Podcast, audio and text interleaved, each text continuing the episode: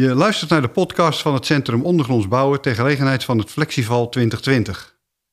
Vandaag in de studio te gast professor Hans Slootweg, directeur Asset Management van Enexis, voorzitter van het platform Netbeheerders en parttime hoogleraar Smart Grids aan de Universiteit van Eindhoven.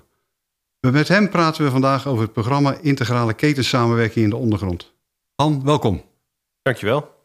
Allereerst maar eens even dat uh, platform netbeheerders. Wie, wie komen we daar allemaal tegen in die organisatie?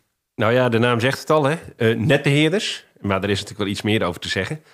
Uh, platform netbeheerders is eigenlijk een, een informeel samenwerkingsverband tussen brancheverenigingen die op hun beurt um, beheerders van netten vertegenwoordigen. En dat is dan echt in de breedste zin des woords. Dus dat zijn energienetten, gas en elektriciteit, telecomnetten, eh, de VWIN, de branchevereniging van de waterleidingbedrijven, is ook eh, lid. Eh, de warmtebedrijven zijn lid. Dus een heleboel partijen die ondergrondse leidingen en netwerken hebben en beheren. Die zijn lid van het platform Netbeheerders, waarin zij gemeenschappelijke belangenbehartiging doen. Het gesprek met de overheden voeren op de diverse niveaus en op die manier samenwerken. Ja, dus als we zo'n zo'n plaatje zien als bij het COB met die enorme hoeveelheid kabels en leidingen in de ondergrond dan is dat allemaal van partijen die bij jullie platform zijn aangesloten. Ja, zeker. Daar uh, zie je het platform netbeheerders in de figuurlijke zin uh, direct al terug. Ja, ja mooi. Nou, dan hebben we daar ook een beetje een ander plaatje bij. Um, samen met het COB hebben meerdere organisaties, waaronder een aantal partijen van het platform netbeheerders, uh, de handen ineengeslagen met als doel een betere samenwerking in de hele keten op het gebied van ondergrondse infrastructuur. We beginnen die samenwerking met gezamenlijke kennisontwikkeling. Waarom is nou voor het uh, platform, die samenwerking, dat programma zo belangrijk? Ja, dat is natuurlijk voor ons uh, heel belangrijk. Uh, omdat wij in die ondergrondse netten actief zijn. En ja, wat wij daar zien is dat dat, ja, dat thema dat wint steeds meer aan belang. Het wordt met name in de stedelijke omgeving wordt het natuurlijk steeds drukker in de ondergrond. Ondertussen komt daar ook steeds meer bij. Hè. We, we, werken aan een energietransitie. We werken aan de uitrol van een 5G-netwerk voor, voor mobiele telecommunicatie al die ontwikkelingen vergen ook weer ruimte in de ondergrond. Ja, hoe wij dat allemaal nog uh, zowel letterlijk als figuurlijk in goede banen kunnen leiden. Hè, hoe we dat praktisch gewoon allemaal in de grond gespit krijgen op een verstandige manier. En tegelijk hoe we daaromheen goed samenwerken en daar goede afspraken over maken. Ja, dat zijn natuurlijk thema's die hier aan de orde zijn, uh, die ook samenwerking vergen. En die natuurlijk van groot belang zijn voor de achterban van platformnetbeheerders. Ja, voor al die partijen geldt die enorme urgentie. Ja. Uh, lukt het ook al om dat bovengronds een beetje tussen de oren te krijgen? nou, uh, we doen ons best. Wat je natuurlijk ziet is... Ehm, als je kijkt bovengronds hebben wij als land natuurlijk een lange historie... op het gebied van planologie en ruimtelijke ordening. Dat is ook logisch, hè, want dit is een klein land. we wonen hier met veel mensen, dus we moeten woekeren met de ruimte... en we moeten daarin ook afstemmen en gezamenlijke nou ja, lijnen uitzetten... en, en ons daar ook aan houden. Uh, dat was onder de grond nooit zo'n issue. Uh, je zag het niet. Hè? Uh, het zat letterlijk onder de grond. Niemand had er last van. Een enkele keer moesten we erbij, maar dat viel vaak ook wel mee. Ja, je ziet dat eigenlijk de, de thematiek die in een land als dat van ons boven de grond al decennia lang aan de orde is, dat het inmiddels onder de grond eigenlijk zo druk wordt dat daar de, dezelfde vragen aan de orde komen. Nou ja, ehm, lukt het om het bovengronds ook tussen de oren te krijgen. Nou, deels zit het bovengronds al tussen de oren voor de bovengrond. Hè? Want daar is die samenwerking er al. Daar worden die lijnen al lang uitgezet. Uh, dat het ook ondergronds nodig is, ja, dat, dat dringt steeds meer door. Maar goed, een van de doelen die we met dit alles ook wel hebben... is om dat ook nog beter op de agenda te krijgen. Ja, helder. Ja. Nou is het natuurlijk zo dat uh, die, die, die, die, die achterban... die heeft als, als gezamenlijkheid dat ze in de ondergrond actief zijn... Maar ze hebben natuurlijk niet altijd allemaal parallele belangen. De, de, de, de, afschrijvingen van de, van de verschillende systemen is anders. De werkwijze is anders. Daar hebben jullie binnen dat platform natuurlijk ook mee te maken. Uh, maar als je nou persoonlijk kijkt naar het belang van samenwerking uh, binnen het programma Integrale Ketensamenwerking in de ondergrond, waarom dat geïntensiveerd zou moeten worden, hoe, hoe, kijk je daar persoonlijk naar?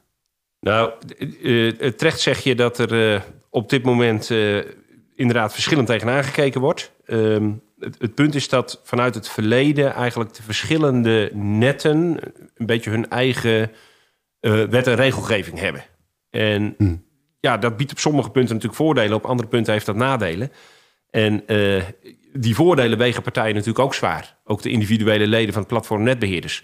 Dus voor een deel zit er wel een, een, een uitdaging in de vraag van, van uh, wat zit er voor de individuele partijen in die samenwerking, maar wat zullen ze er ook, nou ja, toch in uh, ter discussie moeten stellen. Ook van dingen die hen toevallig wel goed uitkomen, maar die voor het collectief misschien niet altijd even wenselijk zijn.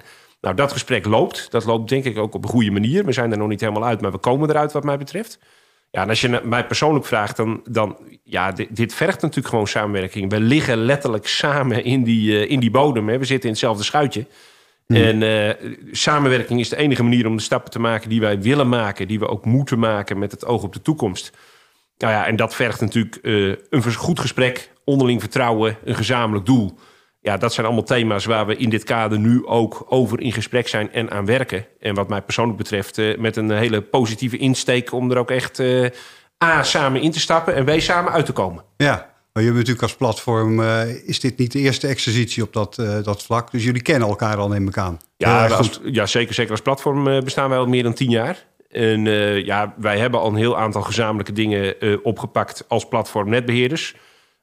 Bijvoorbeeld discussies over informatieuitwisseling, over infrastructuren in de ondergrond. Hè. Daar wil je natuurlijk eenzelfde format hebben, eenzelfde conventie, zodat partijen die met die data aan de gang moeten dat ook weer goed kunnen doen. Ook discussies over vervuilde grond. Hè. Hoe ga je daarmee om? Nou, daar hebben we natuurlijk ook allemaal hetzelfde belang. Wij graven gaten. Soms ook in grond die vanuit het verleden vervuild is. Nou, dan wil je daar ook dezelfde veiligheidsmaatregelen nemen en ook op dezelfde manier met die grond omgaan. Dus daar liggen allerlei gemeenschappelijke belangen. We werken ook al wel samen met, uh, met andere partijen.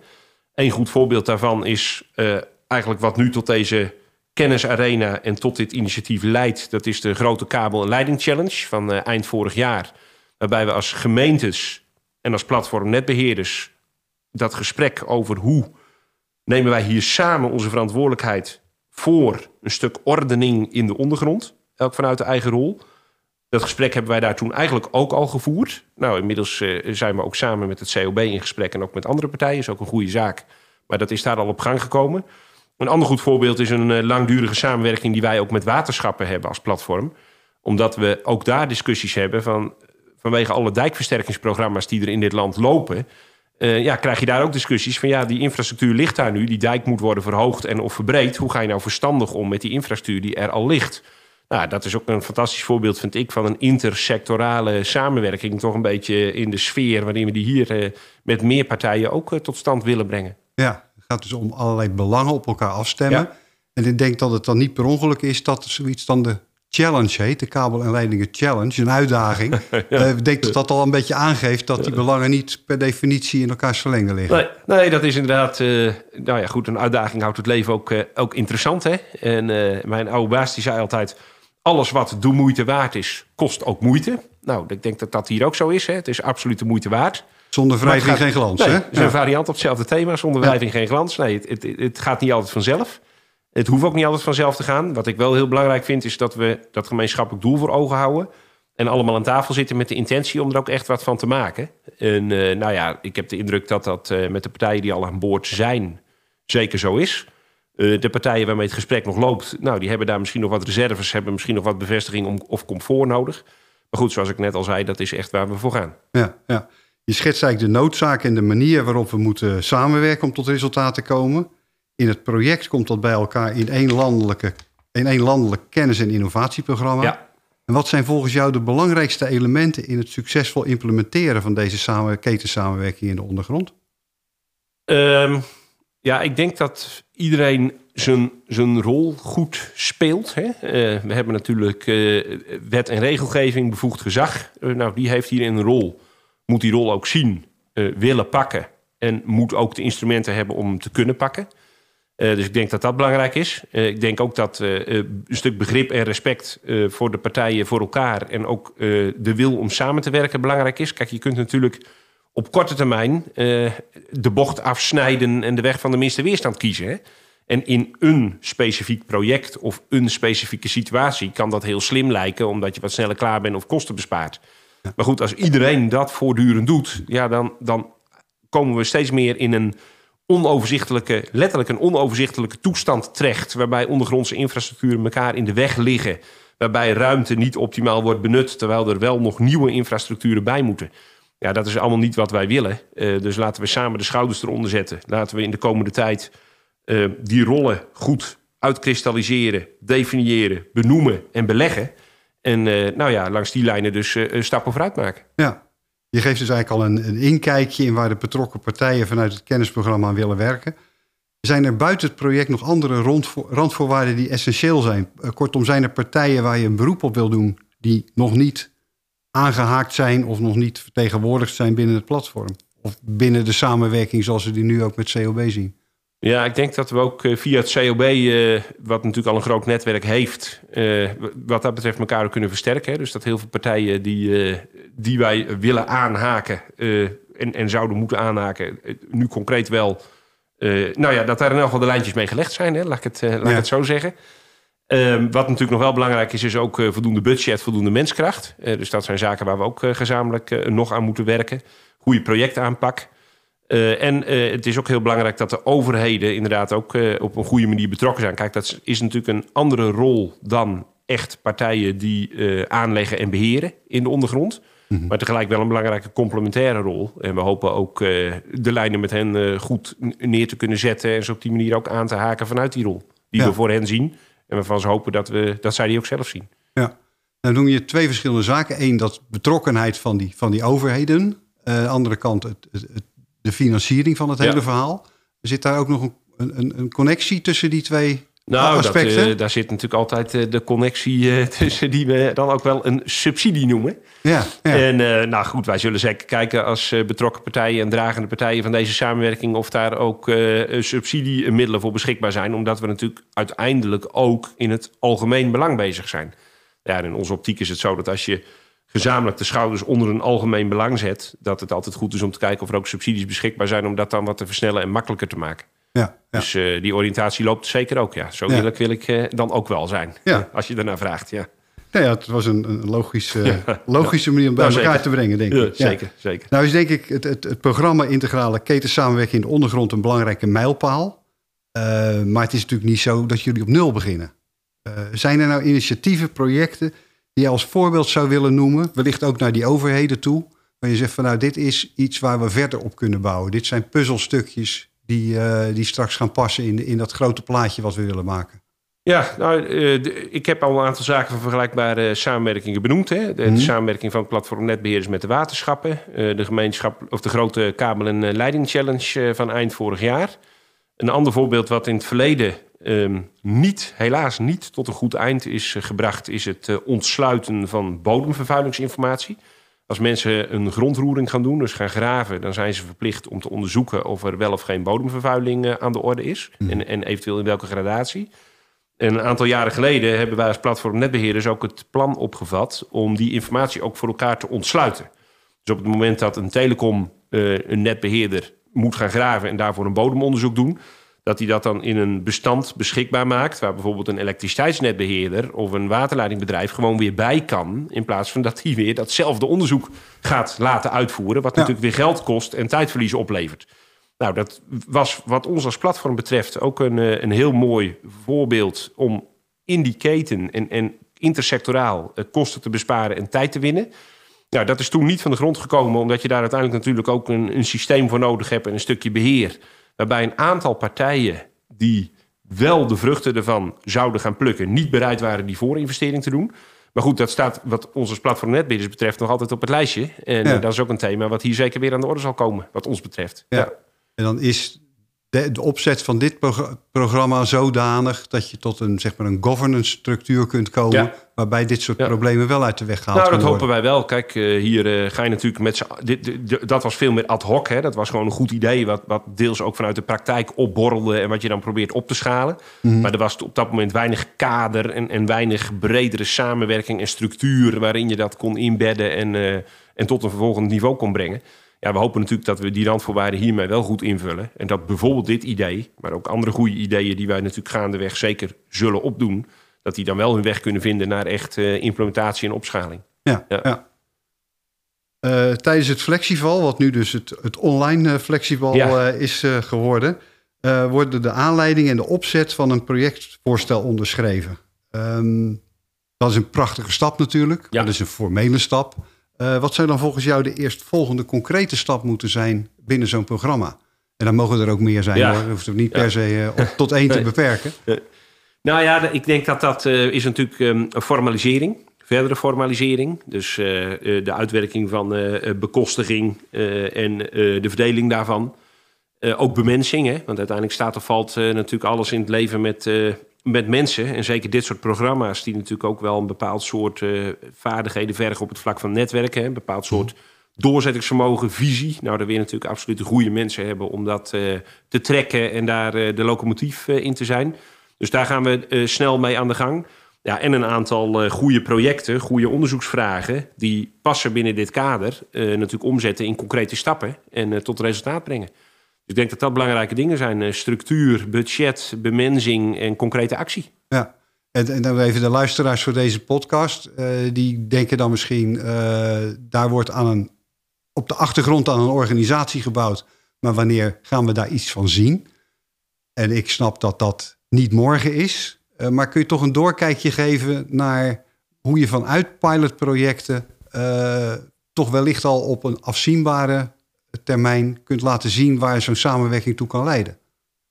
Uh, ja, ik, ik, uh, dat is natuurlijk een goede vraag. Uh, dat hangt van een aantal dingen af. Maar goed, dat is een antwoord wat je altijd kan geven. Het hangt van een aantal dingen af. Ja, ik denk dat je aan een aantal kwartalen moet denken. Ik vind het lastig om daar nu echt hele concrete voorspellingen over te doen.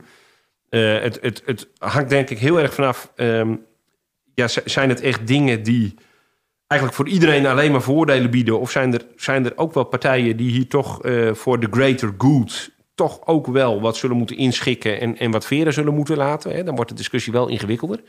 Maar goed, ik denk wel dat als wij in de loop van 2021 niet eh, de eerste concrete resultaten kunnen laten zien, dat we toch wel uh, kansen gemist hebben. Ja, ja.